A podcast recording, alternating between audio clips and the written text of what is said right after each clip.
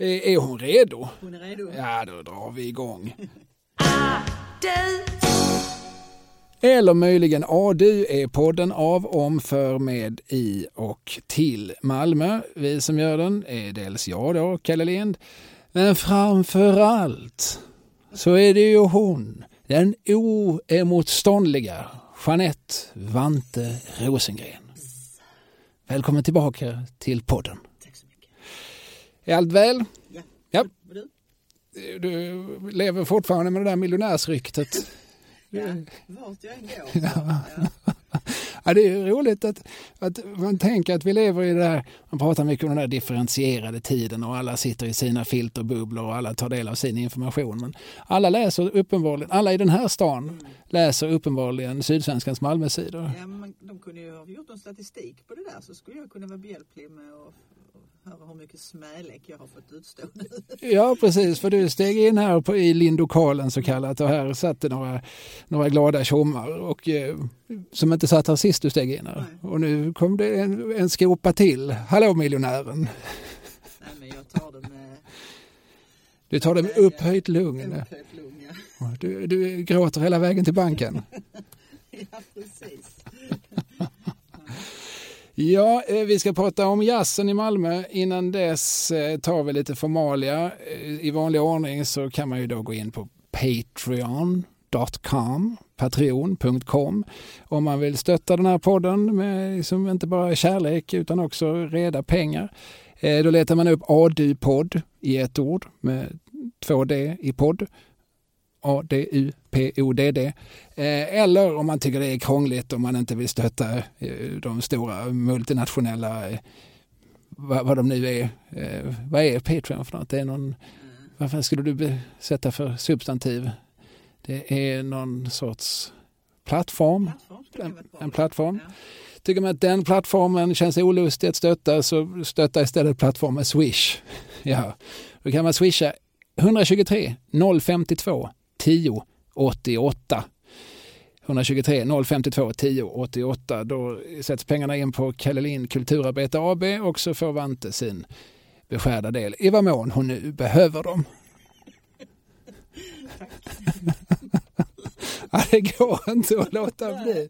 Jag ber om ursäkt, eller det gör jag inte heller. Ja, du gläder mig. Du gläder mig.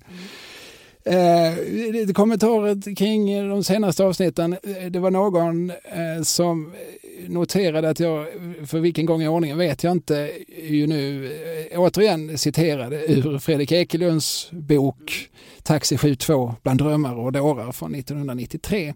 Och det var någon som tyckte att jag kanske rentav skulle läsa in den som ljudbok. Och jag tror inte det behövs, för jag tror att om man tar den här podden så tror jag att jag sammanlagt har i, princip läst hela boken. Så att det är bara att eh, sätta sig och redigera lite här och klippa ihop och klistra och klistra. Så har ni Kalle Lind läser Precis. Ekelunds taxibok. Man får lite annat skit på köpet men det får man ju stå ut Ja, det kan man ju klippa bort. Ja. Eh, Jag tror dessutom att vi har citerat i princip hela Jacques Hemstaden. Eh, Vi har väl både rockajävel och kinesapiss har väl nämnts ett antal gånger. Eh, sen skriver Kent Nilsson, eh, apropå, eh, vi pratar ju om Bulltofta flygplats, han vill berätta att eh, en lite rolig detalj i samband med att ni pratar om första majtalen så var jag chaufför åt Sten Andersson 1988. Alltså dåvarande utrikesministern. Som jag hämtade på Sturup och körde honom till Lund för hans tal. Säpo var inget alternativ trots mordet den 28 februari 86. Men personskyddet ändrades drastiskt efter 9-11. Ja, ja. Mm. Men fortfarande, alltså 88, så tyckte så verkar det inte finnas så himla mycket Säpo-vakter kring Sveriges utrikesminister. Det var ingen som tyckte att det faktum att statsministern skjutits ner på öppen gata och att mordet inte lösts, Nej, att det var skäl nog att se över säkerhetsrutinerna. Så en vanlig taxichaufför, vanlig citationstecken, eller citattecken, taxichaufför fick köra. Alltså jag förutsätter att denne Kent, att om någon mördare hade dykt upp så hade han fått en tjottablängare av Kent. Alltså, Ja, ja. Det är jag helt säker på. Men, men eh, Vi var ju ändå i Malmö. Är- precis, han hade väl sagt, vadå då? Så hade mördaren lagt benen på ryggen. Hur som helst, sen undrar han också, alltså berättar han att han hämtar både Gunnar Nilsson och Stig Malm, olika gamla LO-ordförande, eh, då de besökte Malmö och LO-sektionen där min far var ombudsman. Så jag har växt upp i en röd anda med första majtal samt internationalen. Men till slut kommer verkligheten i kapp. Ja, det, punkt, punkt, punkt. ja, jag vet inte, det finns en undertext här att det, låter som att Kent inte är så röd längre. Nej. Sen undrar han, eh, jag skulle vilja veta vad som hände med Samirs bar. Mm. Minns du Samirs bar? Ja, på Bergsgatan va? Bergsgatan 32. Mm. Med väldigt låga slash skattefria priser på pilsner. Mm. Citat Kent. Eh, samt vad som hände med Via Veneto på David Hallsgatan. Ja, eh, Samir slog väl på två olika ställen om jag minns rätt. Flyttade från ett lite mindre till ett lite större ställe på, på samma gata. Mm. Och de var ju, var ju väldigt, eller han var ju väldigt, eh, det var rätt så roligt för det var ju svensk husmanskost på det här stället. Mm. Jag, jag har varit där en gång. Jag har väldigt tydliga minnen. Det beror mer på att jag var där med min far och att han betedde sig ja, som bara min far kan bete sig. Mm. Eh, Han ville betala med kort. Samir tog såklart inte kort. Nej. Och då skulle min far gå tvärs över gatan till bankomaten där. Så kom han tillbaka och sa, jag har glömt koden. Så att bankomaten hade, hade slukat hans kort. Och det var ingen annan av oss som hade kontanter. Så till slut så fick han ringa in en kollega som kom körande från, från Hör, tror jag. För att lämna över fyra nystrukna hundralappar. Det är mitt väldigt eh, specifika minne från Samirs bar. Ja, det är kul. Det är kul. Jag minns, Veneto nämner han också på, Mm. på? Och, Där har jag sett Dan Nylander. jaha, se där. Eh, Alltså framträda eller bara äta pizza. framträda med, med sin gitarr och sin... Eh, han hade någon sorts playbackmaskin han, han kuskade runt med. En liten, eh, en liten mixer så han kunde dra upp. Han kunde även ha liksom både fullt komp, körer. Ja. Han hade det där skämtet om att hans exfru, hade, han hade henne på regel, alltså Py Bäckman när hon körade. Att han, äntligen kan jag tysta henne. tyckte, du, tyckte det var roligt? Ja, lite. Jag, tänkte att, ja, men jag har också sett honom eh, någon gång på 90-talet tror jag att eh, det måste ha varit var, mellan de här olika stora Raimontana tiderna så han var han ju också någon gång när jag såg honom på eh, nu tappade jag, vad hette det nu då på Södergatan som Jerry Williams startade? Heartbreak Hotel? Ja exakt, Heartbreak hette det väl bara förstås. Heartbreak. Ja. ja men då var det nog i samma veva. Men, men eh, via Veneto har jag också en, en eh, märklig historia. Men när jag, man gjorde någon prao eh, i skolan och då råkade jag ett år få på hälsovårdsförvaltningen. Mhm. Jag hade inte önskat det. Va? Var inte det ditt förstahandsval? Nej. Alltså, en gång hade Va? jag Operan, och det var ju, eller Stadsteatern som det var då. Det Ja. hade jag mer önskat. Ja, ja. Sen glömde jag nog fylla i den där. Mm. Hamnade jag på hälsovårdsförvaltningen. En sedelärande berättelse. Ja, det var det. Ungdomar. Ja, precis. Och då fick man åka ut till sådana här eh, olika tanter som bodde i en etta och hade 20 katter, du vet. Eh, Där det skulle saneras och sådär. Och sen så bland annat så hamnade man också på Via Veneto för att det var råttor i köket. Detta minns jag med skräck. Jag förstår. Ja, och det kanske är svaret egentligen på Kents fråga. Vad hände med Via Veneto? Ja, det, hälsovårdsmyndigheten kom och sa tack. Ja, det vet vi inte, men, men, men sånt händer ju trots allt med, med krogar ibland, att de lägger ner av det ena eller andra skälet. Ja. Sen vill han höra mer om Kulladal och Lindeborg. Ja, Eh, får vi väl se om det dyker upp någon gång. Eh, jag tror inte vi kommer nämna det så mycket idag. nej. Peter Åkesson skriver också, kul att ni är tillbaka och att Stippe fick sitt program. Tack. Mm. Zoltan kvar? Frågetecken. Zoltan hade en krog på David Hallsgatan. Legendarisk. Jag eh, hade Mikael Wiehe som gäst i en annan podd som heter Snedtänkt. Och det var ju som att trycka på en knapp och säga Zoltan till honom. Sen kom det många historier om Wiehes 70-tal. Mm. Och den här, eh, han hade ju någon sorts eh, konstnärsvin. Precis. Det, det var alltså en, en dekokt på det som Ja, på slattar och glas. Och där kunde då, då också dyka upp tändstickor och fimpar och askar och så. Det, men det fick man ta för det var billigt. Ja, ja. Eh, Ja, och sen så eh, tipsar Peter om lite påfyllning till, eh, vi har ju ett projekt som ligger lite latent parallellt med allt annat vi gör här. Vår Adus Malmö-låtar-lista. Ja. Eh, nu har jag inte hunnit lyssna på vad Peter rekommenderar oss att lägga in, men jag lägger in det på listan från Peter, Malmöbo i förskingringen på Gotland. Den finns alltså på, på Spotify om man, vill, eh, om man känner att man vill höra många låtar med ordet Malmö i. ja, och det vill man ju. Ja. Apropå det, jag skulle egentligen jag hade velat döpa det här avsnittet till Bluesen i Malmö. Ja, Thåström? Ja, precis. Nu kommer vi, alltså jazz och blues ligger ju såklart varandra nära någonstans, men det är jazzen vi kommer att prata om. Ja, ja, men då, vi kanske kommer att prata om bluesen en annan gång. Ja. För att det har spelats blues i den här stan också. Ja. Fråga Jalle, valfri Jalle, vilken Jalle, ta vilken Jalle som helst. Med munspel eller med gitarr eller vad de än har instrument.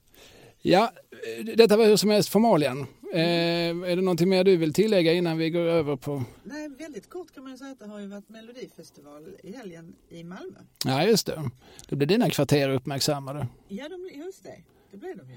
Jesper Rönndahl gjorde ett litet reportage från knarkrondellen. Ja, precis. Där miljonärerna bor. Ja, precis. Och visade övervakningskamerorna. Och, Ja. ja. Nej, men det är ju charmerande såklart. Ja, det finns ju alternativa namn på den här rondellen som, som jag skulle säga är ännu mindre smickrande. Så att, eh, ja, men jag lärde mig länge att det heter Ja, Bergsrondellen. just det. Eh, Alltså syftande förmodligen, hoppas jag, på hundar. Mm. Men det kan ju hänga ihop med narkomanerna, vad vet jag. Eh, men det var ju trevligt att svenska folket inte fick höra det namnet. Precis. Nej, men eh, just så. Och sen eh, var det också så att det var en gästartist, alltså Carola var ju med Mm. och firade 40 år eh, efter Främling som hon ju vann med här i Malmö på Palladium 1983. Ja, Och eh, igår var hon och skruvade upp, nej det var hon inte, hon, var, hon skruvade inte upp plattan själv men hon klippte av någonting som, som eh, va, vad ska man säga, invigde den här plattan som man har fäst i väggen på Palladium. Och då blev hon ju intervjuad om vad hon tyckte om Malmö och Skåne och sådär och hon älskade ju Malmö och hon älskade Skåne och hade så goda minnen. Och så sa hon att hon hade varit och tittat på och skulle köpa sig en gård i Skåne i närheten av Eslöv. se där. Ja. Nu blir jag ju lite orolig å dina vägnar att du inte längre kommer vara den mest kända personen som har med Eslöv att göra. Det är jag ju ändå inte. Glans är ju kändare än jag. Jo, det vågar jag, det vågar jag säga. Men, men, men visst, jag som gammal Älvsborgsbo så välkomnar jag Carola. Särskilt som när jag nu inte själv bor där längre. Så får skicka in Carola där. Det, det, behöver, det behöver stan. Eh, och när du säger igår så menar du söndag den 26 februari. Ja, så att vi, ja. Eh, ja men Carola, vår eh, vän Lars Hector, gammal festfixare och numera kristdemokrat i, i Malmö. är det samma sak? Typ? Eh, Det, det, det behöver det inte vara. Jag tror att det finns många festfixare som inte varit kristdemokrater och vice versa. Hur som helst, Lars Hector, han jag tror att det var Trocadero han hade då, eller möjligtvis tunneln. Ja, det var nog Trocadero. Är. Eh, han tog dit, han har ju alltid haft lite näsa för eh, vad som kan göra sig på bilder som kan bli tidningar och löpsedlar etc. Så att han var snabbt framme och bjöd över 16-åringen efter hennes vinst så att hon var på Trocadero samma kväll. Och han har berättat, och det vill jag nog tro att han har berättat offentligt eh, en gång när han gästade P4 Malmöhus när jag var med där, om att eh, han hade ju liksom ställt upp så att hon skulle gå som genom en, en allé av pressfotografer när hon, när hon steg in. Men, då, men då, hon ryggade som en häst framför ett hinder. Nej, jag går inte in där. Nej, alla måste gå över på den sidan för det, det är min goda sida. Min, min bra fotosida. Redan så tidigt var hon medveten om detta. Ja. Vet du vilken som är din bra sida? Baksidan. Ja, insidan brukar jag svara. Ja, nej, men detta senaste nytt från, från, från Musik Malmö-fronten. Mm. Då går vi över på det senaste gammalt. Just det. Eller ja, gamla tiders musik Malmö. Mm. Jazzen i Malmö. Mm. Eh, var tycker du vi ska börja? Jag gissar att vi ska börja 1650 58 You know me as a när S-kornetten, Karl X Gustav tog S-kornetten över bält. Inte så dumt Och jag ska faktiskt också säga så här, är du, är du, en, liksom, är du en riktig jazzkatt? Eh, det är jag inte. Jag gillar en del jazz. Alltså ja- jazz är ju så... Det, det är ju så otroligt stor skillnad på, liksom, alltså jag sätter gärna på till söndagsfrukost, sätter jag gärna på så Ella Fitzgerald och gammal, gammal liksom, Tin Pan Alley, H.G. Carmichael, så här, liksom, melodiös jazz från 20-30-talet. Eh, jag lyssnar, jag, jag kan få lite ståpäls av eh, det som man kanske ibland kallar Dixieland och så här, så eh, swing, trådjazz. Fusion jazz springer jag som eh, en skållad bäver om någon utsätter mig för. Det tycker jag är fullkomligt vedervärdigt. Och allt det här kallar vi ju jazz. Men jag skulle säga att det är skillnad som på natt och dag. Mm. Ja, men jag håller helt med dig. Jag, vi har samma preferenser då kan man säga. Och det är kanske bra också att sätta detta inom Eh, jag, för jag tänker så här, ibland kanske jag kommer att säga fel här nu. För det, kornett eller är det trumpet eller är det fagott eller saxofon. Eh, jag är inte så enormt insatt i vem som spelar exakt vad. Så Nej. det kanske man ska liksom säga redan nu. Ja, precis. Och det är också så här, ja, det var inte saxofon, det var tenorsax. Ja. Ja, sådär. Eh, och just fagott tror jag inte är så flitigt förekommande i det sammanhanget. Det kanske det var i forna tiders storband i och för sig. Det är ju ett träblås. Det, är, det tror jag i och för sig saxen också räknas som. Och absolut klarinetten. Men nej, visst med förbehållet att vi inte vet någonting. Det. Det, men det, det hoppas att det, folk är införstådda med. Att vi sitter ju bara här och killgissar. I, i alla ja, ja. ja så, man skjuter lite från höften och ibland så, ibland så träffar man rätt och ibland så träffar man på ett ungefär. Ja. Nej men du ville gå tillbaka. Jag tänker att... Nej, du, vill, du ville gå Jag, vill tillbaka. gå tillbaka till. jag tänker att 1939 är ett bra år att börja med. Mm. Mm. För då händer det flera saker som gör att man kan definiera. Det här är starten för det nya Jazz-Malmö. Mm. Alltså man kan ju säga att det fanns, det fanns ju såklart jazz i Malmö även tidigare på 20-talet och så. Det var ju Musikerförbundets ordförande skrev då till exempel en debattartikel som hette Varning för jazz.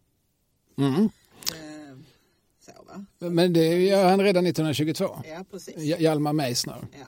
Eh, som var eh, dirigent, underhållningsorkester. Eh, Han kom från det hållet. Hans fru Emma Meissner var ju sin tids stora operettstjärna. Hade spelat Glada änkan och så. Men där räknar jag med att det är allmänbildning. Så där behöver inte ens sägas. Alla vet väl vilka paret Meissner var. Det, det dröjde inte så hemskt länge innan Meissner, Hjalmar, alltså bytte fot.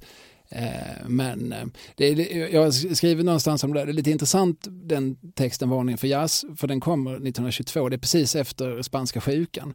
Och det är väldigt tydligt hur han liksom liknar jazzen vid en epidemi. Mm. Alltså det här är en infektionssjukdom som, som smyger sig på oss.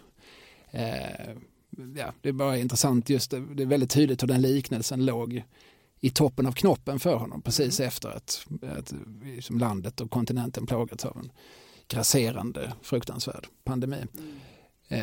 Men eh, som sagt, det fanns folk som var skeptiska till jazzen i Sverige men det dröjde rätt så eh, kort tid innan, innan jazzen hade sina absoluta tillskyndare och, och blev en, ändå en, en populär och väldigt spridd genre.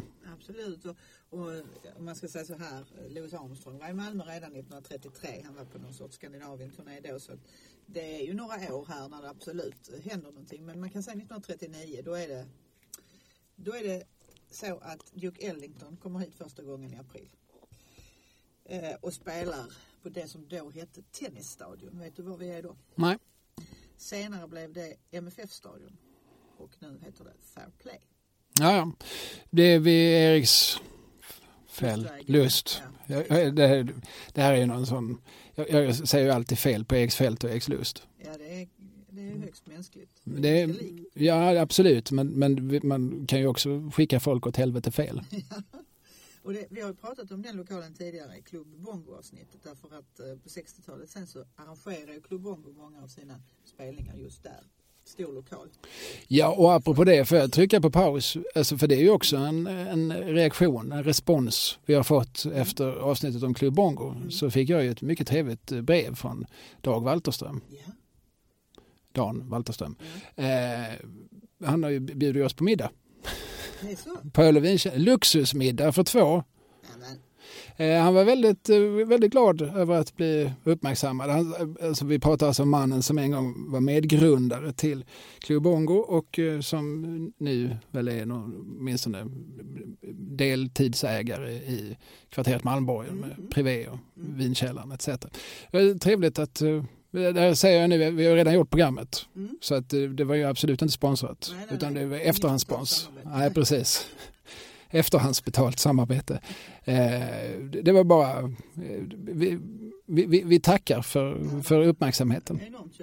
Vill man bjuda oss på luxusmiddag så är det bara att skriva till KLKAB, Jäknegatan 1, 211 22 Malmö. Ja, exakt. Nej, men... ehm, Tillbaka till 39. Ja, precis. På Fair Play. Och då kommer Duke Ellington och han har en kvinnlig sekreterare med sig. Och de, då är det så här att det är inte så himla många i Malmö som pratar engelska vid den här tiden. Det är inte det språket man lär sig i skolan. Man skakar fram en 18-årig tolk som hette Bertil Ranert och han fick då mödosamt förstå vad de här två egentligen ville ha. Jo, de ville ha the Swedish smorgasbord att äta. Och den här Bertil han var ju inte så kanske, vad vet jag, skolad i hur man eh, gör fina snittar så han bredde helt enkelt några ostamackor till dem och så fick det vara, det var the Swedish smorgasbord. De, var, fick varsin fittamad. Ja, precis. Och då undrar han ju, ja men är det bara ni två, var är resten av orkestern? Då visade det sig att resten av orkestern, de var på Anderssons musik på Södra Förstadsgatan. För att då var det nämligen så här att eh, de lånade instrument där eftersom alla instrumenten låg i bagagevagnen på tåget och den hade blivit omkopplad till Berlin. Så kan det också gå. Tur att vi hade en musikaffär av, av rang som kunde låna ut instrument. Hur som helst, bara en månad senare, detta samma ett år, då är det så att Gösta Tönne Mm. har premiär med sitt nya band på Arena. Och då är vi i nuvarande Kronprinsen-kvarteret. Precis. Gamla eh, husarens, eh, husarregementets kaserner där som nu varit dansställe under en lång period. Tycker det är roligt med hans namn. Han hette ju något annat egentligen. Törnberg eller någonting sånt där liknande. Ja, det är konstigt att en skåning tar sig namnet Tönne. Kolla där är han en tön. Alltså, Ja. Man kan ju höra hur det har låtit va. Alltså när jag växte upp i Eslöv, det var ett vanligt sätt att, att bilda öknamn på folk. Det fanns någon som hette Klene. Mm. Och, och eh, Glans, återigen, en gammal skolkamrat till mig, Johan Glans, alltså, han, han är lite darrhänt. Och han har liksom råkat någon gång berätta att han var så glad att det redan fanns en kille på vårt högstadium, Ekenässkolan, som kallades för Skage. För annars hade han blivit Skage. Så så skönt att det öknamnet var upptaget. Så kunde han sitta där och skaga utan att, utan att uppmärksammas. Eh, men detta med påföljd då att vi inom vår vänkrets såklart börjar kalla Johan för Skage. Eh, det är mycket smalt internt namn på. Det tror jag inte står på affischerna nu när han åker på utsålda sommarturnéer. Eh, Gösta Tönne ja. Ja, men precis. Han, han blev ju väldigt, han blev trogen arena sen i väldigt många år och anställde bland annat en heltidsanställd pianist där som heter Gunnar Svensson som du känner väl till. Ja, han blev ju så småningom något av Hasse eh, eh, och Tages huspianist. Och var de trogen från deras första revy, Gröna hund 62, till deras sista gemensamma revy, Fröken Flegmans mustasch på Göta Lejon. Eh, och däremellan så har han ju både skrivit, arrangerat, producerat, när helst de kallade. Nu är det bara du Gunnar, nu räcker det med en pianist, ja då är det Gunnar.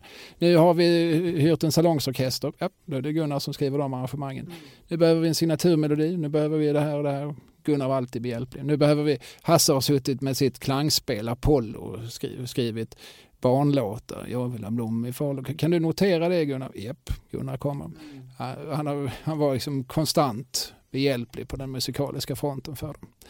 Men innan det så, så var han en av många som kliar elfenben på nalen och, Mm. och som en, av, en mycket etablerad jazzvirtuos. Och så också då i, i Malmö. Eh, under ett antal år. Ja, och han hade rötterna någonstans i Norrbotten tror jag. tror. Han var kanske Luleåpojke eller så. Ja. Men absolut från andra änden Ja. av vårt avlånga land. Mm. Så, så att, eh, Mm. alltså han, hade- han, var- han var alltså inte barnfödd här. Nej, Om det. någon fick för Nej, sig det. precis, Han var importerad. Ja. Eh, och det var då nummer två. Nummer tre som gör att vi kan definiera året 39 det är att annandag jul 1939 så slår dörrarna upp till norra Europas största danspalats, Amiralen. Och inte just då, men några år senare, 1942 faktiskt, så kommer ju Harry Arnold dit. Det, alltså Amiralen är ju ett stort jazzpalats kan man säga. Där är mycket annan dans också men det är väldigt mycket. Och eh, Harry Arnold blev sen eh, sju år på Amiralen i första vändan så att säga. Mm. Innan han for till Stockholm och blev ledare för radions underhållningsorkester. Det. Eh, för det hade radion på den tiden. Men, alltså en heltidsanställd orkester. Alltså de hade ju också en symfoniorkester. Jag tror också att de hade en konstmusikensemble under 50-talet. Så det fanns många som gick på lön. Eh, alltså som var skolade musiker och musikanter. Det var en annan tid. Så är det inte, nu finns det ju liksom ingen som gör program som jobbar på radion. Nu jobbar ju bara administratörer och mellanchefer. De som gör själva programmen de sitter på produktionsbolag. Mm. Här till exempel. I, i Studio Tollarpan. Ja. Här görs ju snedtänkt för Sveriges Radio.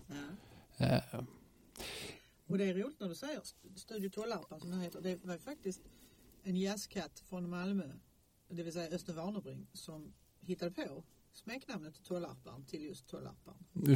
Men jag förutsätter att han hade sina rötter i Tollarp. Det har jag alltid tagit för givet. Det hade han ju, så det var inte så svårt eller långsamt. Men det var ändå, någon måste ju kläcka det. Liksom. Ah, han den där Tollarpan får väl vara med och spela. Mm. Ja, Janne Tollarpan ja, som vi känner från Lasse Holmqvists i princip samtliga tv-program. Han, han var ju, precis som Gunnar Svensson var Hasse och Tages självklara go-to-guy när de behövde en, en pianist så hade ju Lasse Holmqvist eh, alltid musikalisk stöttning av eh, den enda, den enda man i Skåne som var större än Lasse Holmqvist. Alltså rent fysiskt. Ja, då, det finns en eh, Danny Kaye som var en amerikansk judisk underhållare som, som Lasse Holmqvist blev lite kompis med. Han gjorde ett, ett som ett samtalsprogram med honom. Mm. Eh, det är en väldigt rolig sekvens när, när Danny Kaye får lite feeling och plötsligt eh, men, kom, kom, så, så tvingar han upp både Lasse och, och Tollarpan och står bredvid honom. Eh, och eh, Danny Kaye ser så fruktansvärt liten ut mellan dem. Alltså, man tror det är någonting, det är, de leker med perspektiven här. Alltså visst måste Danny Kaye stå en kilometer bortom.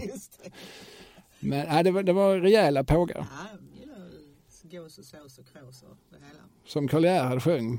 Det ska vara feda breda pågar som ska ordna det. Ja, då syftar han på Per Albin och Edvard Persson men, men det, det höll i sig. Det kan man lätt överföra även på de här du har nämnt. Jaha, nej men så satt jag och tänkte så här. Du vet, ibland så hör man ju folk som är födda runt 1900, vad ska vi säga, 47 kanske. De gnäller ju ofta på att Åh, det var så tråkigt i Malmö förr, det hände ingenting och allt var så grått och det fanns inga uteställen och sådär va. Mm. Och så tänker man vilken tur man har som har levt i sin egen tid med allt det här. Men när man väl börjar gräva i det så, så hittar man ju att det har ju funnits hur många ställen som helst i stan som har, där man har kunnat roa sig.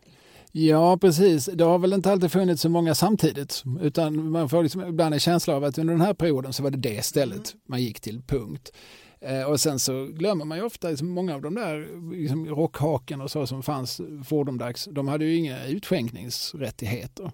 Det är kanske det de reagerar på mest. Ja, nej, men alltså, idag så känns det, om man skulle gå liksom och titta på något och så, ja, kan, jag får inte en folköl, nej, nej, eller, men, nej, nej, alltså nu har vi vant oss vid något kontinentalare omständigheter, men, men fortfarande, nej, alltså jag började gå på konsert väldigt tidigt på mejeriet i Lund. Alltså på 80-talet, för de hade inga rättigheter. Så där kom ju alla in. Det var ju fördelen. Mm. Nackdelen var ju då om man var över 18 och ville roa sig så som man roar sig över resten av jordklotet. Mm. Eh, så ur den aspekten så kanske det inte var så kul. Eller det var ju mycket att man fick gömma gömma pluntan i buskarna och sådär. Nej, just, absolut sant. Nu har vi blivit så internationella. Jag var i, i lördags på eh, eh, Stadsteaterns nyinvigning. Ja, ja, hon tillhörde de utvalda och invigda. Och där står du, där precis som i Draningesby får man numera ta vinglaset med sig in i salongen. Ja, så. Det var många som gjorde det Kalle. Ja, det, det kan jag gott tro, för så är det ju alltid lite grann när svenskar får lov att dricka. Då, jaha, då, då, då tror man också att det är påbjudet. precis. Alltså kan man ju, ja, kan man ju dricka, dricka Jägermeister klockan sex på Sturup eller på, på Kastrup, då, då, då är det tydligen det man gör. Ja, ja. Men eh, ja, du var där, ja, ja midsommarnattsdröm. Ja, Ja. ja, det var kul, skoj. Det var roligt. Roligt skruvad. ja, jag sa att den var två och en halv timme lång så att jag fick kalla fötter. Ja, jag tyckte att det fanns något annat du kunde göra med de timmarna. Ja, men eh, mm, ingenting är värt två och en halv timme av mitt liv. Har jag, har jag som policy i livet. Inte ens Anna Persson Harlarp, min, denna underbara människa som, som väl hade en, en viktig roll i, i uppsättningen. Absolut. Inte ens hon motiverar två och en halv timme träsmak. Där, där, där drar jag min gräns. Jag är en man med principer. Och är du inte nöjd med dem så har jag andra. Ja, men i alla fall, de här placen som man gick till, tänkte Mm. jag nu. Bara man, liksom, jag spån, spanade lite på det eh, och nu är vi i 30-talet. Mm. Det kommer fler sen. Tänk på 30-talet i Malmö, då kunde du gå och lyssna på jazz på Boston Palace. Var låg det? Då är det en, en tennishall egentligen som låg precis invid gamla idrottsplatsen. Alltså väldigt, väldigt tajt inpå där mot operan till Mm. i dagens geografi så att säga. Yes. Där hade man också tedans ibland. Det var mycket jazz. Tedans är också ett fantastiskt fenomen. Det lär fortfarande existera i Lund. Jaha. Eh, Att man ibland, eh, ja det finns ju, tro det eller ej, men det finns ju stofiler i Lund som gärna håller gamla traditioner vid liv. Ja. Teskak är ju också ett fantastiskt ord från förr. Jag vet att Povel Ramel ibland uppträdde både på teskak och kavajskutt. Ja, just det. Skutt har jag hört min mamma berätta som hon gick på på 60-talet. Ja, Gick på skutt. Ja. ja just det. Men teskak, ja, då man skakade, alltså shakade till, till, till te. Återigen, det indikerar väl dels att eh, det kanske, man ibland gjorde det här faktiskt rent av på eftermiddagen. Mm. Och återigen, ja precis, och återigen att det då inte fanns rättigheter. Man hade väl något i tejten då, tror inte det? Lite rom eller någonting. Någonting medhavt och insmugglat i så fall, men det var ju inte någonting som, som vilka restauranger som helst. Och det här med dans och, och alkohol i kombination, det är ju alldeles nyss som danstillståndet har, har liksom tagits bort som ett obligatorium. Tidigare har det formellt varit så att ska du som krögare, om, om någon börjar dansa inne på din restaurang, så, är, så antingen ska du ha tillstånd eller ska du säga till vederbörande att sluta. Ja. Eh, Så att eh, lite lever vi kvar av Ivan Bratt i oss, i, i systemet. Ja, det tar, ingenting förändras av sig själv. Mm, nej. Precis. Innerst inne är vi alla folkpartister som någon annan sa. Nåväl, tillbaka till teskak och Och tedans. så kunde man gå på Valencia. Det låg ett ställe som först låg på Södra Förstadsgatan om man tänker sig eh, lite söder om Möllevångsgatan då. Mhm. Eh, där fanns det dans och biljard för ungdom. Eh, och med jazz då fram till 1938. För efter det så flyttade man ut till nuvarande Kulladal eh, och blev det som man kallade i folkmun för änkornas paradis. Ja, men det har vi nog nämnt tidigare i den här podden. Just det. Sen fanns det något som heter Solhagen i Kvarnby som var väldigt populärt. Det fanns också Folkets park naturligtvis. Där spelades det jazz. Det fanns Konditoriträdgården. Det låg där Malmö Opera ligger idag kan man säga. Mhm. Och det var precis som det låter, en konditoriträdgård. Det fanns tunneln. Vi var ju inne på Lars Hector tidigare och hans verksamheter. Där har skett mycket. Alltså nu är vi på Adelgatan, vi är ju alltså kvarteret ovanför Savoy. Precis. Och eh, väldigt tidigt så kommer det ju till Malmö både kända svenska och internationella storheter och, och spelar jazz. Vi har pratat om det tidigare men jag vet att den unga Alice Babs sjöng både på, på Arena och i och Folkets park och det gjorde Povel Ramel också för den delen som du ju nämnde nyss. Och många av de här gästspelen på Arena det hängde ju ihop med att impresarion Fritz Persson i början hade sitt, alltså sitt artistförmedlingskontor där. Och han blev ju också Alice Babs manager senare. Men han, så han tog ju dit alla möjliga och det är ju viktigt naturligtvis att ha en sån tjomme. Um, men, men i alla fall under hela 40-talet så kan man säga att det fanns en viss konkurrens mellan Tönne och, alltså just Tönne och Harry Arnold, deras två olika ställen. Ja precis, det var ju som arena mot Amiralen. Ja. Och det, de hade lite olika eh, liksom, klientel, det var, det var lite klassbetingat. Just det. det här vet jag att Christer Borg, mm. den hädangångne Kvällsposten, journalisten och nöjesälskaren eh, skriver om om han skriver om det i sin bok om Östern. Jag tror nog han citerar Östern va, till och med. Så kan det nog vara. Ja, du ska ju veta för att eh, mm. det var ju ditt lilla förlag som gav ut boken i fråga. Ja, och jag tror att, han, att Östern vill och Jag förutsätter att du läste innan du gav ut. Samvetsfråga. Det har du helt rätt i. Mm. Um, han sa väl så här uh, någonting att, att arenan var lite skitigare och, uh, och att töserna var lite mer tillgängliga där om du förstår vad jag menar. Ungefär. Ja, ja, ja. Jag, jag tror jag förstår vad Östen menade. Vilket är intressant eh, för att Amiralen är ju ändå blir Folkets Park, det är Möllevången. Det tänker man att det kanske är mer arbetarklass då. Eh, och att eh, å andra sidan Arena, det är ju nuvarande Slottsstaden, Käppastan, det har ju liksom länge varit medelklasskodat. Mm.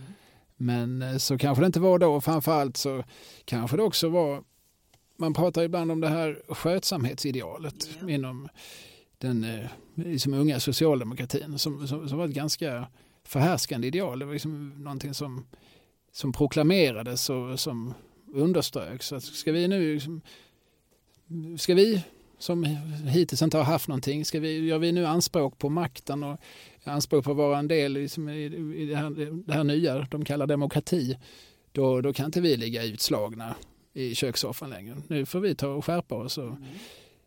tvätta skjortan och rent av stryka den och, och bete oss. Vara nyktra emellanåt och. Ja, precis. Mm. Och, och så det kanske också gör som att Folkets Park kände som ett, det fanns som ett särskilt ideal att här, här, här sträcker man lite på sig. Här eh, beter man sig som folk lite mer eh, läroverksungdom än på, på arenan där det kanske mer var jobbarna som knegarna som gick. Ja, eller om det, eller om det kanske rent var tvärtom. Om du förstår vad jag menar. Alltså att det var arbetarna som någonstans liksom fostrades till, ska, man, ska, ska vi nu gå ut och, och dansa, då ska vi då har vi som ett ansvar att bete oss och att visa att vi, mm. att vi behärskar detta. Medan, alltså det här är bara teorier, jag sitter verkligen bara och skjuter från höften. Men, men eh, verkligheten är inte, kan ju ibland vara lite komplex. Va? Ja, men så är det ju. Och jag, jag associerar direkt till Maria Andersson och hennes eh, Dåliga människor. Dåliga människor, ja. Med Senapsfabriken och Putte Hågen och de här som just gick och dansade på arena och var med i olika tävlingar och sådär. Och det var ju, det är ju 30-tal, det är ju den tiden liksom. Ja, det är intressant. Men man bildar i alla fall, det, det är också roligt, i oktober 42 så bildas i Malmö Sveriges äldsta ännu existerande jazzklubb som heter High Society. Var håller den hus? Just nu så håller den, alltså nu återkommer den här familjen Ranert igen. Du vet den här gossen som fick tolka. Från början så från början hette den här klubben Black and White och så hade man sina möten på, på Stadt Hamburgsgatan på en restaurang som hette NIMB. Men sen var det ju krig och då blev det kristider och ransonering och allt möjligt och då fick man istället ha det, den här klubben hemma hos familjen Ranert på eh, Vikingagatan, Limhamn. Då fick man ha med sina egna mackor och sådär. Så över tid har det liksom skiftat men idag har man sina möten på restaurang Ribersborg. Jaha. Det ligger ju alldeles vid, vid havet där på ribban och äter och dricker och lyssnar på jazz och får lite intressanta jazzföredrag och sådär. Medlemsförening som man kan gå med i. Mm, mm. Och High Society, ja det är ju en, det är en film och det är en sång. Och filmen, I filmen figurerar Louis Armstrong som sig själv. Jag tror att det är Cole Porter som har skrivit sången High Society. Mm. Eh, jag känner till det här då delvis för att eh, det var en av Hasse Alfredsons eh, favoritsånger och en favoritanekdot när han bodde på Tom Anders studenthem i Lund på 50-talet så kom Louis Armstrong och hans orkester dit och spelade och då glömde Trummy Young sin trombon. Och det, det här är en berättelse. Det var Hasses allra sista framträdande i offentligheten på Guldbaggegalan 2013. Då, då berättar han den historien. Långt tal. Han pratade i lite drygt nio minuter och slog alla tidigare rekord. Jag eh, har det från en förstahandskälla att eh, innan, innan det här skulle ske, innan han skulle gå upp och ta emot sin hedersguldbagge, så hade någon frågat honom, kommer du säga någonting? Ja, jag säger nog bara tack. Men sen fick han ju feeling. Sen kände cirkushästen doften av sågspån. Och, och anar också kanske att det här är sista gången. Så nu jävlar. Eh, nu, nu visar jag vad skap, bara anekdotskapet ska stå. Så då drar han både den långa historien om att Trummy Young glömde sin trombon. För det nämns nämligen sen i filmen High Society att de kommer, eh, Louis Armstrongs orkester kommer till till något eh, palais och, och, så berättar de att de har varit i Sweden. Such parties! Och det vet ju Hasse att det syftade på det partyt de hade på Tom Anders. Eh, Eh, ja. Ja, det är, det är en väldigt fin historia.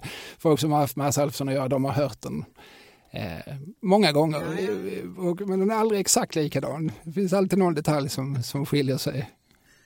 Underbart. Det slutar i alla fall med att Eh, eh, Hasse ligger och sover på Tom Anders och så är det någon som skakar liv i honom. Trummy Young har glömt sin trombon och så, så liksom, tidigt på morgonen i Lund så liksom mobiliseras alla som har varit ute. Man letar efter den här saxofonen som, eller trombonen som man sen visar sig, tror jag, har, har lämnat in på Grand. Eh, men glömt. Så att de kommer liksom springande, liksom som ett helt gäng i pyjamas kommer springande till Louis Armstrongs turnébuss med trombonen triumfatoriskt mot himmelen. Så det finns många, många detaljer. Det är inte nödvändigtvis så att det kanske är helt sant. Men... Nej, men eh, jag har sett filmen High Society och han, Trummy Young, trombonisten, säger mycket riktigt Sweden such parties. Så att det kan vara det Absolut. som åsyftas. Ja, hoppas det i alla fall. Detta apropå Malmös äldsta jazzklubb som alltså heter High Society. Underbart. Ja. Mm. Jo, men så här, efter kriget så blev det ju fritt fram för många amerikanska band att resa utrikes, alltså jazzband och spela. Många kommer till Sverige och Malmö och sådär och det är Dizzy Gillespie och det är hundratals andra som kommer och och eh, blåser och spelar här. Och då är det så här att 1950 så, så kommer Charlie Parker hit. Mm. Han har ett arvode, han spelar på Amiralen. Vet du vad han får betalt? Alltså då ska jag ju dels omvandla det här till dåtidens valuta. Jag säger tre kronor kvällen. 1050 kronor. Det är ju mycket bättre. Ja, Men det måste varit en hyfsad slant eh, med dåtidens mått mätt. Ja, jag. Jag vet många musiker idag verksamma som har spelat för lägre eh, gage än så. Ja. Man får väl gå till det där eh, Kungliga myntkabinetets valutaomvandlare och räkna ut vad det är i dagens valuta. Men, men det finns en liten anekdot från just då, då var han ju på turné så det här, den här anekdoten är från Lund. Man kan ju tänka sig att det gick likadant till i Malmö. Va? Mm. Då sägs det så här. Parker var outtröttlig. I hans närhet stod flaskan med kronbrännvin.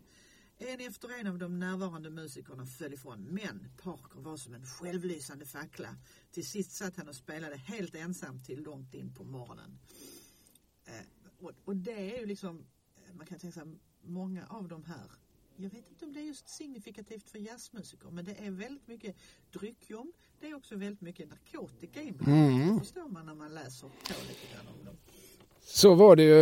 Eh, de var ju många som bröts ner av detta. Charlie Bird Parker. Mm.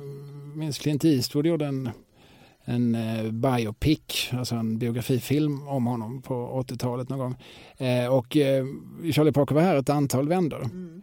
Eh, de trivdes, de svarta jazzmusikerna trivdes i Sverige. Det var ju fantastiskt. Vi kan få gå på, för vi får spela på den här restaurangen och sen får vi äta på den också. Precis. För så var det ju inte i hemlandet. Spela går bra men sen får ni möjligen äta i köket.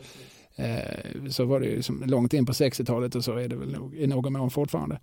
Eh, även om det inte är längre Alltså, långt in på 60-talet hade ju USA uttryckliga raslagar som, som förbjöd interaktion över de så kallade rasgränserna.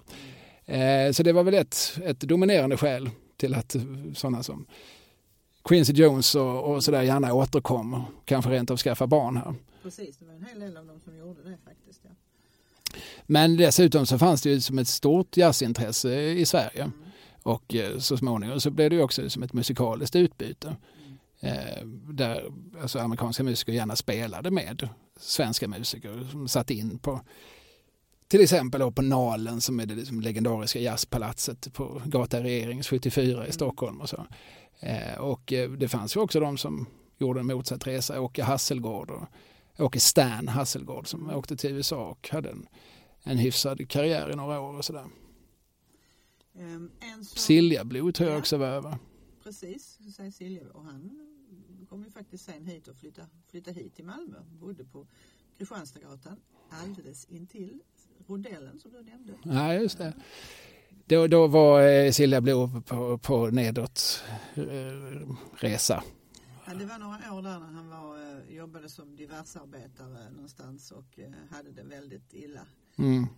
Men han, han kom tillbaka igen faktiskt sen och blev nykter och skaffade sig ett helt nytt liv, en helt ny karriär. Och blev stadgad man och gifte sig och sådär. Men eh, just då var det inte så bra med honom kan man säga. Det finns ju någon historia när de skulle, han hade fått något knäck på AF i Lund faktiskt. Och den som skulle då komma och hämta honom på Kristianstadsgatan banka på dörren och banka på dörren och ingen öppnade. Och eh, till slut så hörde man hasande steg och där öppnade då Silja Blå. Han såg ut som, som om han... Eh, som hej kom och hjälp mig. Han hade varit och vänt i graven och eh, tyckte för mig jag ska inte följa med. Men eh, man fick på honom kläderna, man fick ut honom i bilen och ju närmare man kom Lund och AF och när han till slut steg in i lokalen och upp på scenen så blir det sådär igen som hos Hasse Alfredsson. Han blir en cirkushäst och är fantastisk på scen, slutar aldrig spela, blir svittig och blåser i tre timmar ungefär. Och så. Och sen åker han hem och däckar? Hem och däckar på Kristianstadsgatan 19 i Malmö. Så kan det vara. Jo, men jag tänkte på Östen Warnerbring som vi har redan hunnit nämna ett par gånger här. Och, och som vi också har förärat ett helt AD-avsnitt. Ja, precis. Han, eh, jag tänkte jag skulle liksom läsa lite vad han har skrivit om jazz. Han fick ju jobb på Anderssons musik i Malmö då 1952 och då kunde han lyssna på alla de här inköpta jazzplattorna från USA. Det ledde också till att han faktiskt lämnade Malmö och åkte till Stockholm och, och började på, på Nalen hos Arne Domnérus. Men han saknade Malmö så otroligt och tyckte han kunde inte riktigt läsa noter och sådär så han fick, eller han åkte hem igen och fortsatte då spela i Malmö. Och då har eh, han, är ju, eller han var ju en, en rolig skit, Östen, men han har skrivit lite om detta som jag tänkte jag skulle läsa. Han var nämligen med och startade en, en jazzklubb som hette 12 knappt uttala, 12 Street Club som låg som så många andra skriver han på Frisgatan under takåsarna. Och det är ju i samma eh, hus där sen Club Bongo kommer att husera en del år senare. Mm. Hur som helst, Östen har en kompis som heter Kai Borgstrand. En dag ringde Kai. Det var en måndag och han sa, du, min far dog igår. Tystnad. Efter en lång stund fortsatte Kai. Kan du följa med mig ner på Stöltens? Jag skulle vilja spela in en platta för min far. Det hör till saken att Stöltens låg på Gustavs torg på den norra sidan där. Där det ligger hotell idag bland annat.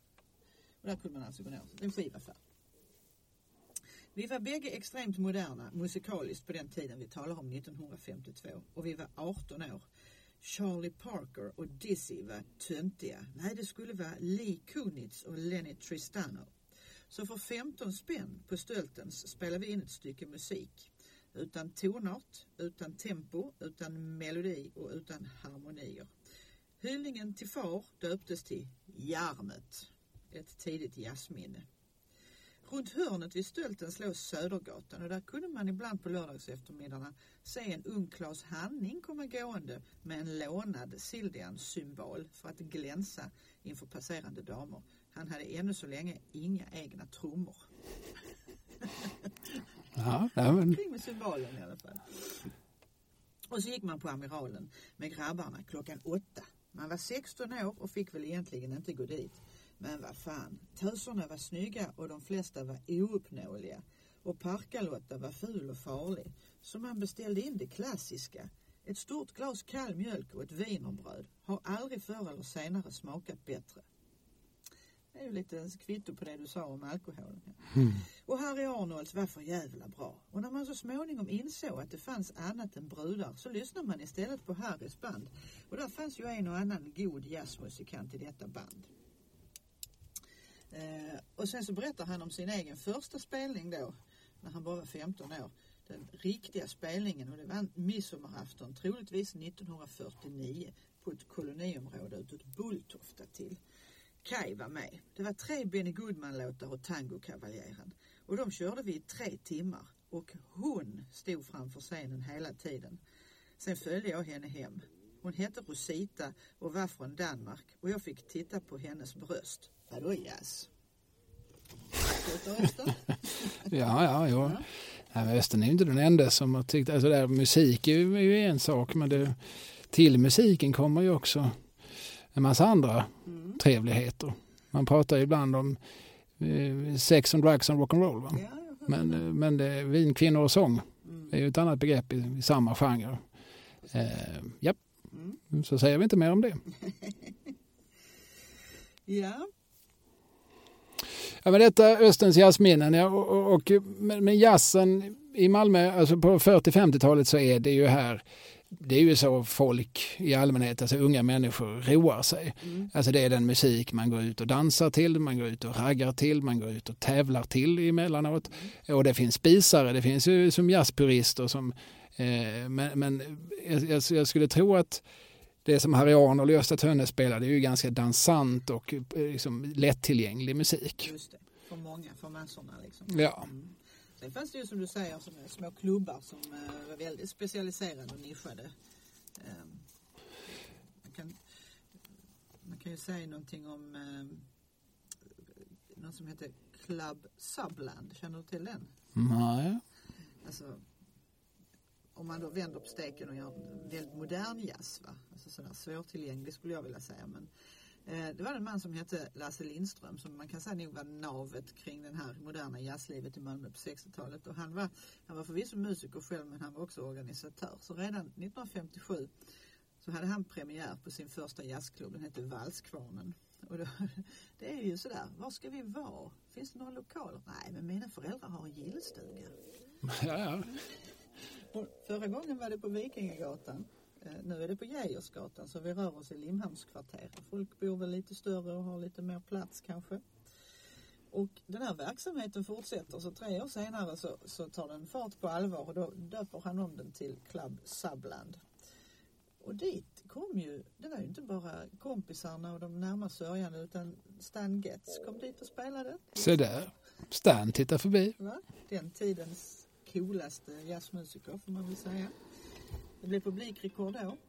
Då är det 80 personer som får plats där. Och det, hans pappa hade ett konditori på ovanvåningen. Den här Lasse Lindströms pappa. Så man hade liksom lokalen där under och själva invigningskvällen så kom ehm, Bruno Glenmark kom dit och spelade trumpet halva natten och sådär. Så det var ju folk som, om de inte var kända så blev de ju det så småningom. Va? Och eh, just nämnda Silja Blå var där väldigt mycket och spelade och jammade med andra. En amerikansk eh, jazzmusiker som heter Dexter Gordon kom dit. Mm. Också en sån som jag tror fick barn i Sverige va? Jag har träffat en handfull barn som heter Dexter som, som någonstans är uppkallade efter honom. Men det behöver inte ha något som helst samband. Eh, men eh, det, det, det, fick han säkert. De, en del av de där de, de ynglade av sig. Ja, de stannar ju kvar och sådär. Och Lars Gullin och Jan Johansson och alla de här, de kommer alltså till den här ganska förhållandevis enkla hemmagjorda jazzklubben på Geijersgatan. Och de första åren så fick man inte gå ner, så skulle man liksom gå in där så fick man gå in via mamma och pappa i vardagsrummet. Hej hej, där satt de och så fick man gå ner till källaren den mm. vägen. Där kom Dexter Gordon, där kom Siljabo.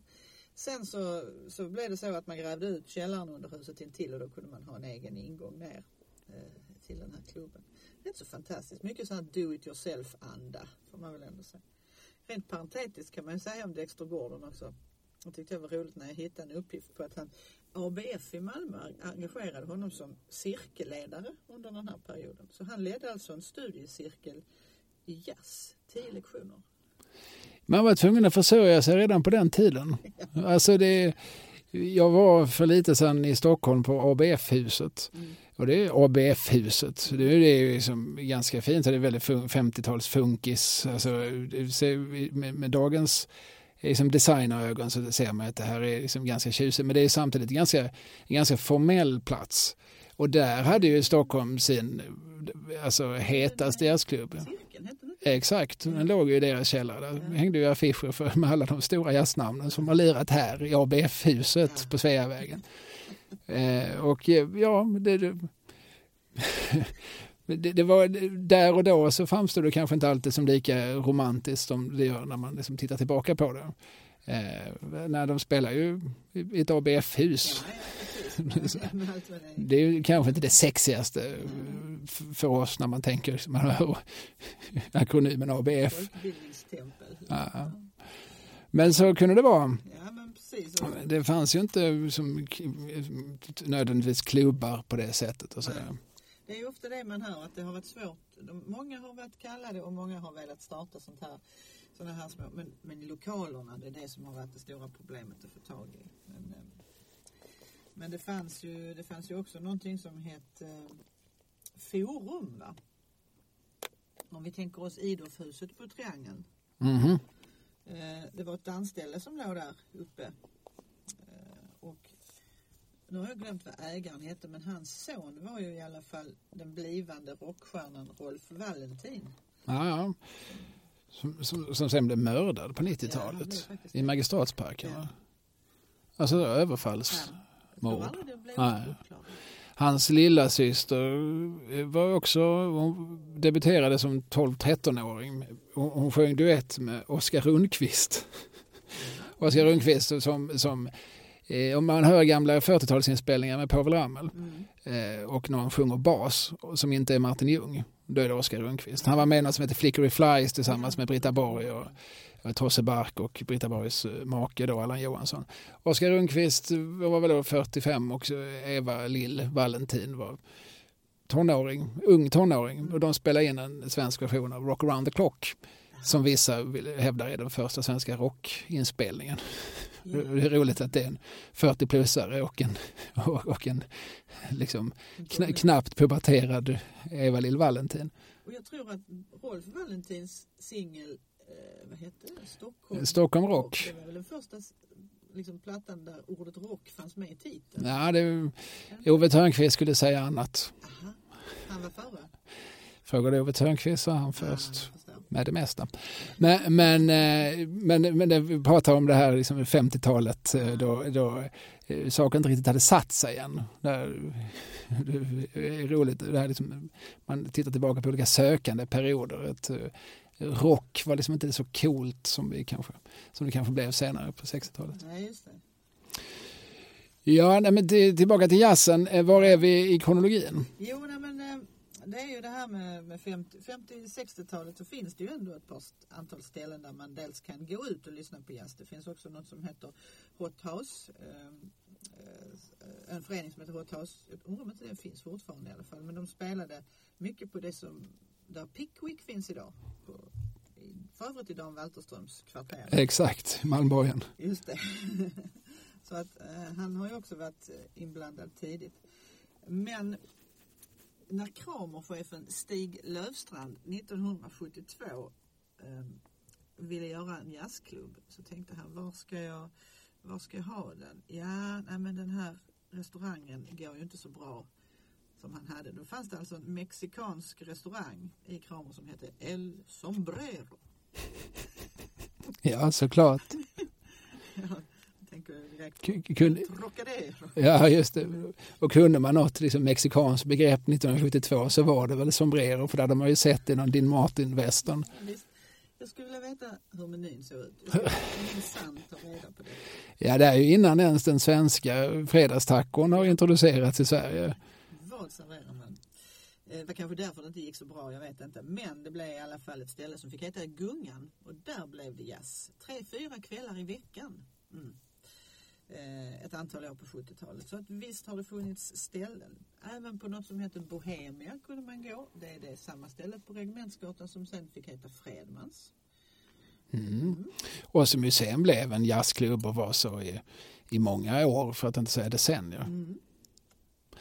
Eh, om, om vi är framme på 50-talets slut så, så, så händer det någonting ganska intressant. Eh, alltså att när, det är ju som samma tid och rocken någonstans kommer med, med Elvis och eh, innan honom Bill Haley och Carl Perkins och, och eh, Jerry Lee Lewis och sådär. Och, och det, är ju, det snappas ju upp och anammas av, liksom, om, om man tillåter sig journalisera, av arbetarklassen som börjar använda brylkräm och myggjagare och köra 50-talsbilar. Så, liksom, ja, det, det är ju 50-tal så att bilarna, det är ju nya bilar med Chevrolet och Impala och sånt där. Eh, samtidigt så börjar ju liksom läroverksungdomen eh, väldigt mycket anamma Dixieland. Ja. Alltså en, eh, som ju är liksom en, en, en subgenre till, till, till jazzen. Alltså strutjazz, mm. brukar jag kalla det, men tradjazz. Mm. Jag trodde länge att, att, att tradjazz var, var en nedsättande benämning. Att det är så tradig jazz, men det är alltså traditionell jazz. Eh, och det har blivit väldigt hett i slutet på 50-talet. Väldigt många eh, idag kända eh, och idag kanske döda eller grånade, men, men folk som sen under 60-70-talet som blev proggare och de blev eh, skådespelare etc. etc. började en gång som, som klarinettister eller saxofonister i olika tradjazz, Dixielandband. Mm. Lille Infors mm. och hennes kompis Anders Linder, mm. även känd som Kapten Zoom i Stockholm. Robban Broberg spelar banjo i en tradjazzorkester. Mm. I Göteborg har du Ulf Dageby som sen blev Nationalteaterns eh, en centralgestalt. Thomas von Brömsen spelar klarinett mm. Och i Malmö, mm. Mikael Wiehe, ja. Göran Skytte ja. och Jack Werup. Och Povel Randén. Ja. Povel Randén som sen blev, spelade klaviatur och trombon i mm. Hoola Bandoola Band. Även Frans Sjöström som mm. spelar med i flera av Mikael Wiehes orkester, kabaréorkestern och så, mm. kom eh, härifrån. Och då fanns det en figur som hette Hans Carling. Exakt, Koling kallad. Mm som eh, vars eh, avkommor ju då är oerhört, oerhört etablerade jazzmusiker, Gunhild Carling i synnerhet. Eh, och vet du vem som är manager, eller åtminstone arrangerar väldigt många för, eller konserter med henne? Nej. Det är en man som heter Bosse Jonsson. Ja, just det. Ingen slump, nej. Bosse Jonsson som vi pratar mycket om i avsnittet om Club Bongo, han var om, om han, han förestod som jazzdelen av Club Bongo och är alltså än idag 2023 mm. verksam som, som konsertarrangör. Fantastiskt, han är nog i 80-årsåldern va? Men vi har haft mejlkontakt och eh, han, på mejlen så var han inte en dag över 20. Nej, nej, jag, jag, jag tror det. Det, det. det, är ju, man måste ju verkligen, han borde få ett eget kapitel i det här eh, podden för han börjar ju i alla fall den första som jag hittade klubben som han startade, Le Celeste, började redan 1960. Eh, och det låg på Skomakargatan, alltså vid det Flensburgska huset där in på gården nere i en källare. Så svårt att hitta lokaler, ja vi får ta vad vi får. Och där börjar han liksom. Och det är mycket Carlings, eller eh, Hans Carling då som spelar där tillsammans med olika mus musiker. Så spelar de in, han har ju också ett skivbolag då, Bosse Jonsson, som spelar in skivor med, med de här herrarna. Och Hans Carling han är då alltså kapellmästare och förestår liksom orkestrar. Jag vet inte riktigt hur många man är i sådana orkestrar, men, men en handfull. Eh, han har väl lite nedsolkat rykte. Politiskt var han väl en smula dubiös. Eh, men, eh, men hans eh, liksom inflytande på liksom en generation Malmömusiker går inte riktigt att ta ifrån honom. Där, eh, utan Hans Carling hade förmodligen inte Mikael Wiehe lett sina orkestrar med lika fast hand. Och då kanske inte arrangemangen hade blivit lika fläckfria vad vet vi? Vad vet vi? Även om vi är den första liksom, att ta avstånd från vad Carling tyckte i de flesta samhällsfrågor. Eh, Mikael Wiehe har ju en, en låt som heter Basin Street Blues. Mm. Från en platta som heter Basin Street Blues som jag tror kom 86. Mm. Där sjunger han ju om när han är ung. Och, och de idealiserar ju då, han och hans kamrater, det är ju liksom 20-talets jazz, alltså New Orleans jazz, Louis Armstrongs jazz. Han sjunger, jag citerar nu fritt ur minnet, mm det var Harry och Kenneth och Torbjörn och jag och Göran som brukade ses på piano och banjo och sax och trombon. Nästan som Hot Five fast utan trumpet. Eh, alltså det är alltså Louis Armstrongs Hot Five som åsyftas. Det vill säga, det var nästan som Hot Five. Vi hade inte just Louis Armstrong och hans instrument. Men där, men där eh, fostrades vi och där kom liksom, musikaliska ideal som sen kanske fick stå tillbaka för Beatles och Simon Garfunkel och sånt som kom sen. Men, men den här Dixieland-vågen, skiftet 50-60-tal, som, jag inbillar mig att de här alla de här banden, att de, deras liksom, främsta arena var just liksom, skoldanser. Jag tror de spelade väldigt mycket i olika läroverksaulor och på många studentfester och så. Latinskolan, Peterskolan och sådär. Ja. Etc.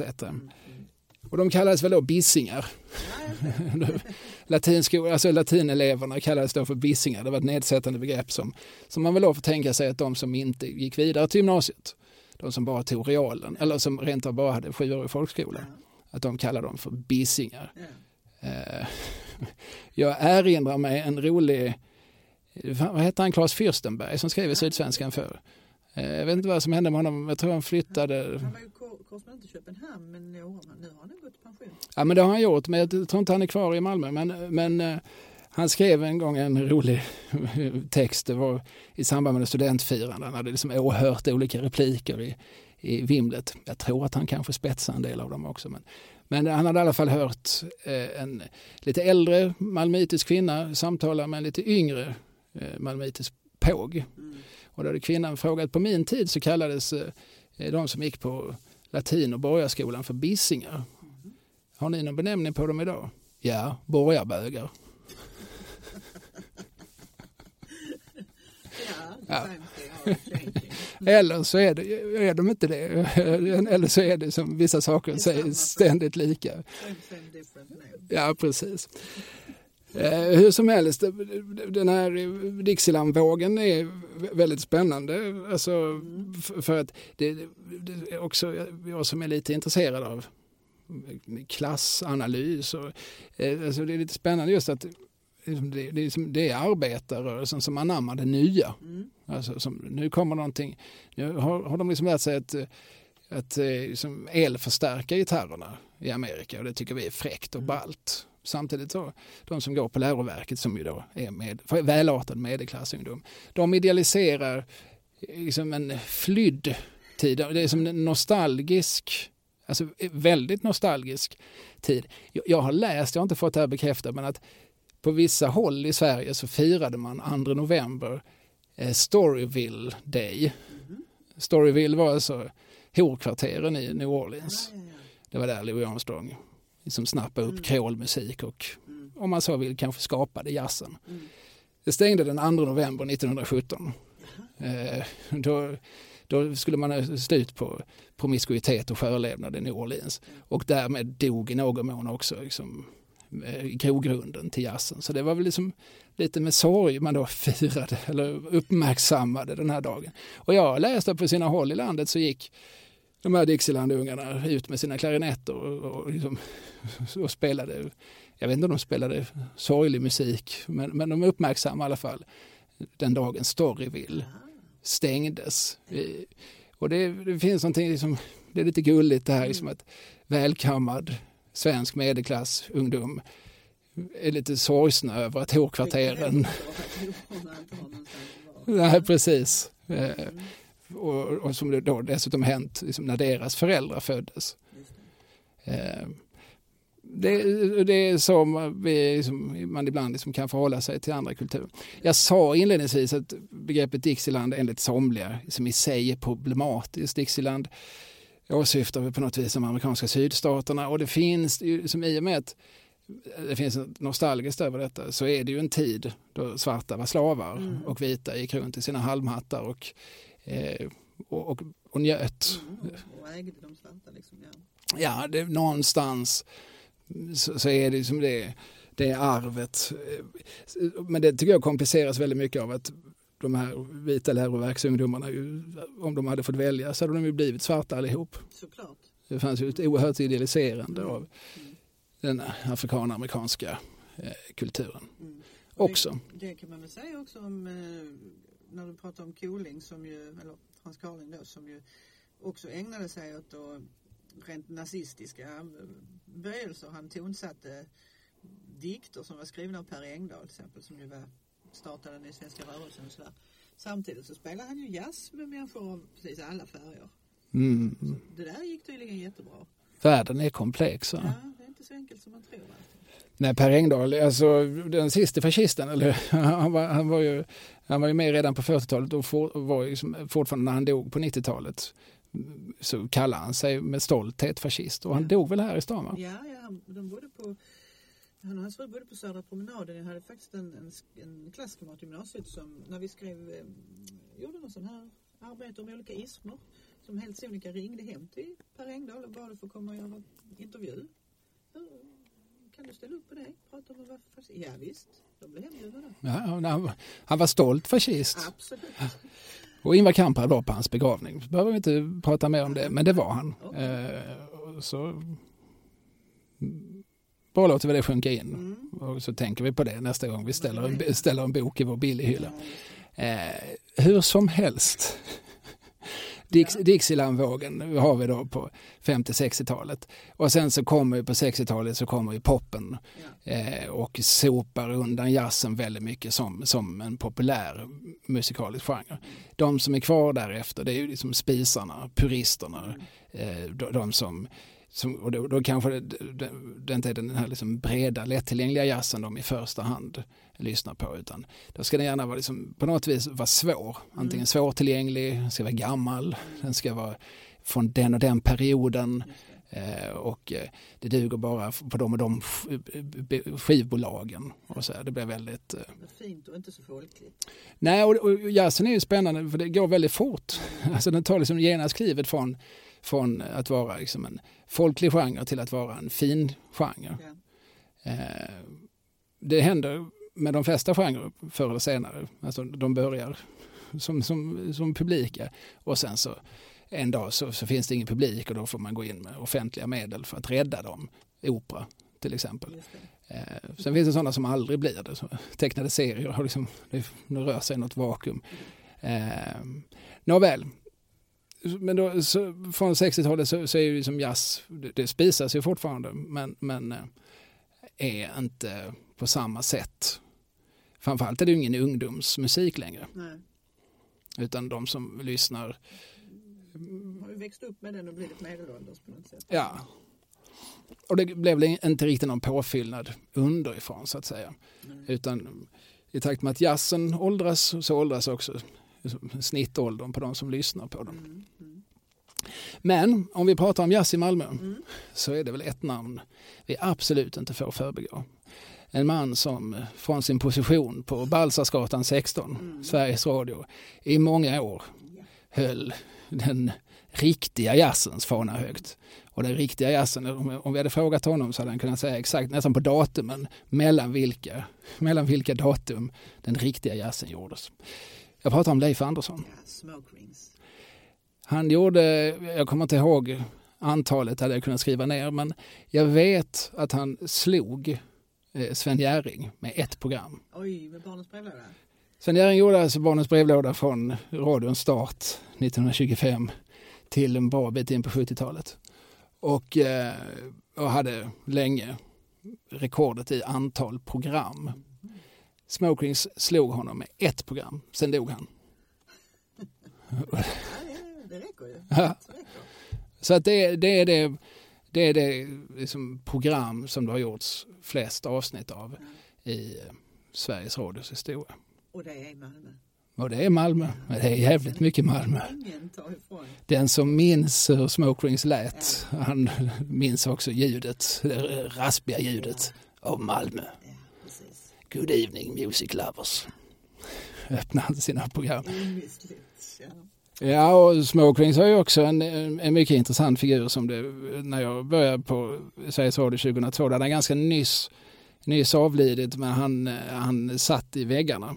Och nu sitter han på väggen, nu har de äntligen fått upp ett foto på honom och sådär. Men Men det fanns många legender om honom och så här. Han var ju känd för att vara en smula tvär. Mm. Han var på, på kollision med, med det mesta, inte minst med sossesamhället. Mm. Han, han, vid något tillfälle så, eh, typ 87, så ja, jag saknar Palme. Jag saknar du av alla människor Palme, du hatar ju honom. Men man har ju inte någon riktig fiende längre. Och han var på tvärsen mot, eh, mot eh, fackföreningar och sånt som var ganska starka inom radiohusets väggar länge och sådär. Men, men han hade en respekt kring sig. Hans jazzkunnande kunde ingen ta ifrån honom. Och visst hade han ett eget, eh, han hade ju något sånt här, um, var det ett skivbolag eller var det ett kassett han, han distribuerade? Säkert. eh, Ja. Alltså det, ja, det fanns ju ett, eh, ett illustert sällskap som hette Ilgafia. Mhm. Kan de heta så? Mm, mm. Eh, Jag tror Gaffia är en eh, akronym för Getting Away From It All. Det. Det var alltså ett gäng män som ibland träffades och eh, spelade obskyra jazzvax för varandra. Ja. Men män kan ju inte träffas och göra saker utan att ha liksom ett namn och gärna en, en dagordning. Och, du måste på något vis... Ja, dessutom. Men där tror jag att Christer Borg redan nämnd var med. Ja, Och eh, Smokings var väl, om han inte var sammankallande så var han väl någon sorts hedersordförande. Och så. säkert, säkert. Ja. Ja. Men det var ju en man som, eh, det gick många legender om honom. Alltså han dyrkade ju då liksom landet som gett oss jazzen. Alltså Amerikas förenta stater. Och, eh, och det var ju en sån där, liksom, länge en sanning. Vet, vet du det? Han har, aldrig varit, han har aldrig varit där. Och han åkte väl dit en gång tror jag. Då var han säkert 60 plus eller så. Men han, han kunde sitt USA. Ja, ja, man måste inte vara på ett ställe. Det finns ju kartböcker. Vem är inte armchair anthropologist? Nej, precis. Och det där kan verkligen diskuteras ibland. Alltså, vem, vem vet mest om någonting? Den som bor på stället eller den som har läst om stället? Alltså hur mycket perspektiv har man från där man själv råkar befinna sig? Eh, jag säger det, pratar lite egen sak här för att jag ibland, ibland säger jag, berättar jag om någonting som hände på 60-talet. Så kommer någon som var med på 60-talet och säger det vet inte du någonting om, du var inte där. Mm. Nej, det var visserligen du, men, men du såg väl inte allt? Alltså du såg ju bara det du hade för ögonen. Jag, utan att vara sån, men, men jag har ju läst ett antal tjocka böcker om den här tiden. Alltså jag har ju ändå liksom någon sorts helikopterperspektiv. Fortfarande vet jag ingenting om hur det, hur det kändes att vara ung på 60-talet. Men, men jag, jag vet en del om saker som, som hände i Sverige och annorstädes i samma tid och om olika trender som, som man kan se egentligen först i efterhand. Detta apropå att Smoking förmodligen kände USA bättre än många amerikaner. Det också. Ja.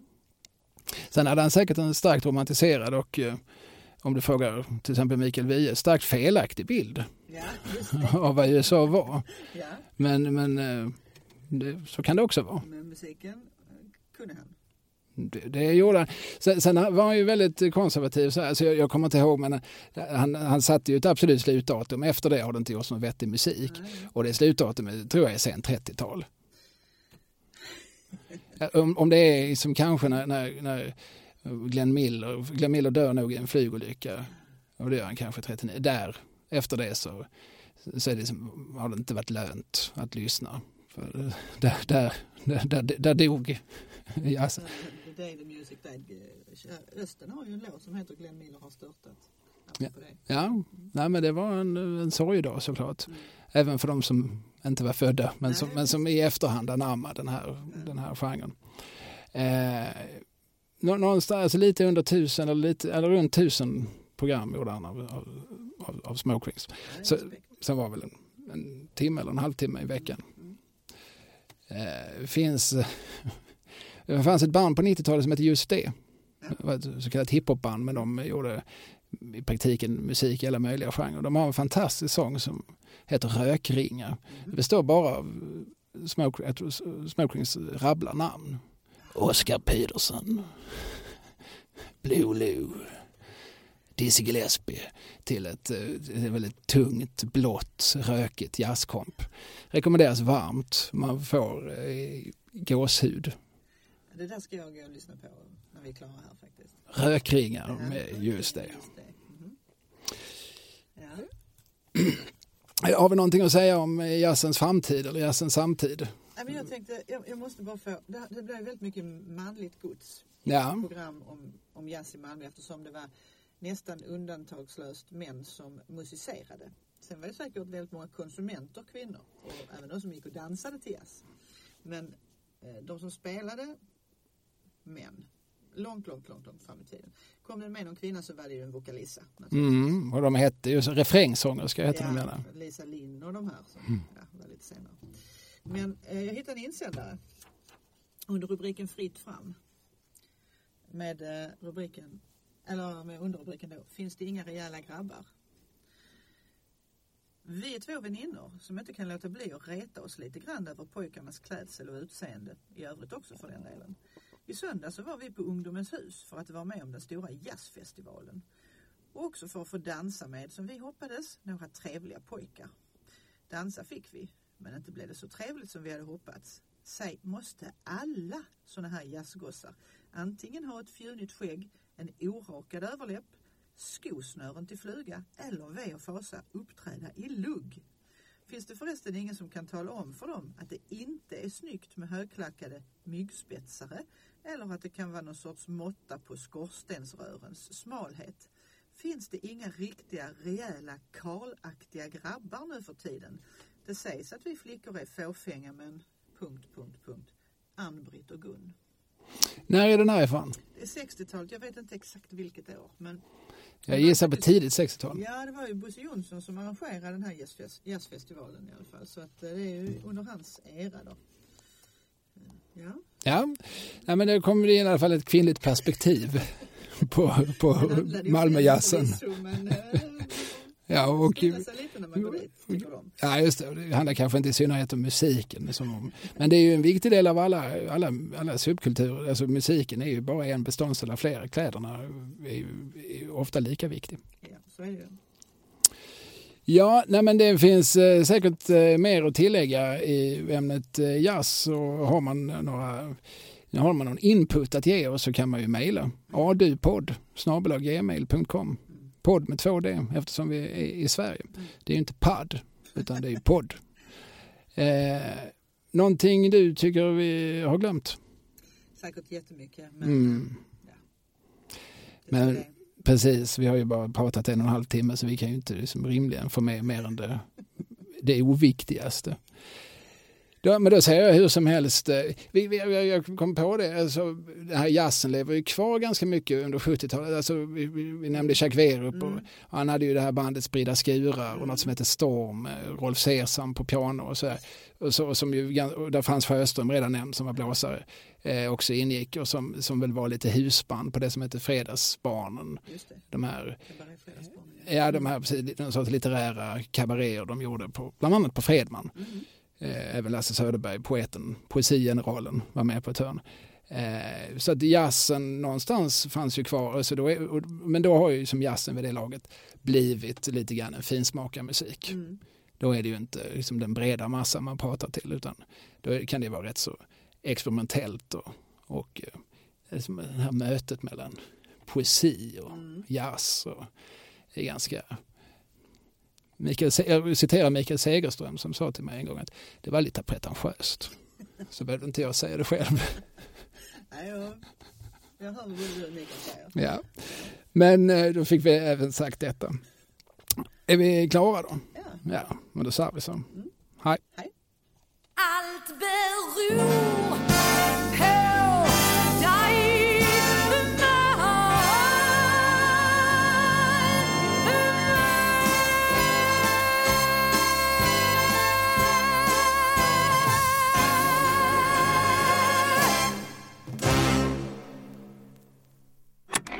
Programutsändningen presenterades av Kalle Lind, kulturarbetare AB